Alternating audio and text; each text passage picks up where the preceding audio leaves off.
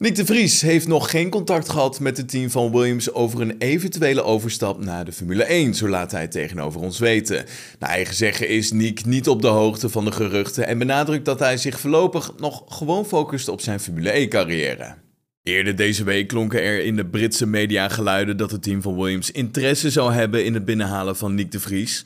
De Britse renstal zou in 2023 verder willen gaan zonder Nicolas Latifi en dus op zoek zijn naar zijn vervanger. Deze geruchten zijn nieuw voor mij. Ik heb geen idee waar je ze hebt gelezen of waar je ze bent tegengekomen. Maar dan ben ik heel benieuwd waar ze dat vandaan hebben, want oprecht, ik heb geen idee. Gevraagd of de Vries een overstap naar Williams zou overwegen, antwoordt hij het volgende.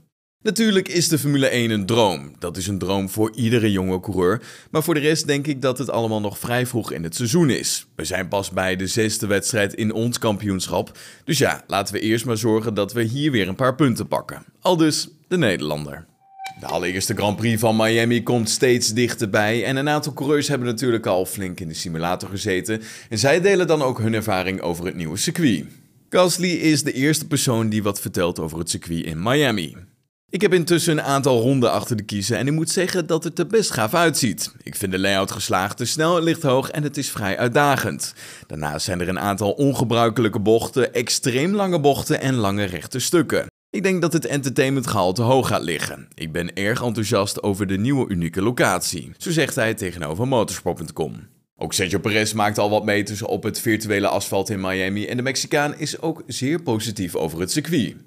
Ik denk dat het bochtige gedeelte aardig pittig wordt, net als het zicht. Ik denk dat we een goed potje racen kunnen verwachten. Ik hoop wel dat het asfalt in orde is, want we komen geregeld voor verrassingen te staan op nieuwe circuits. Sluit hem af met Helmut Marko, want hij kan het niet aanzien hoe Sebastian Vettel momenteel met Aston Martin ervoor staat. Ondanks dat het team afgelopen weekend in Imola voor het eerst punten scoorde, verloopt het seizoen nog zeker niet fantastisch. Marco weet niet zo goed wat momenteel het toekomstbeeld is voor Vettel bij Aston Martin. Contract van de Duitser loopt na dit seizoen af en met pensioen gaan lijkt steeds realistischer te worden. Marco hoopt dan ook dat Aston Martin snel gaat verbeteren. In gesprek met de F1 Insider zegt hij het volgende.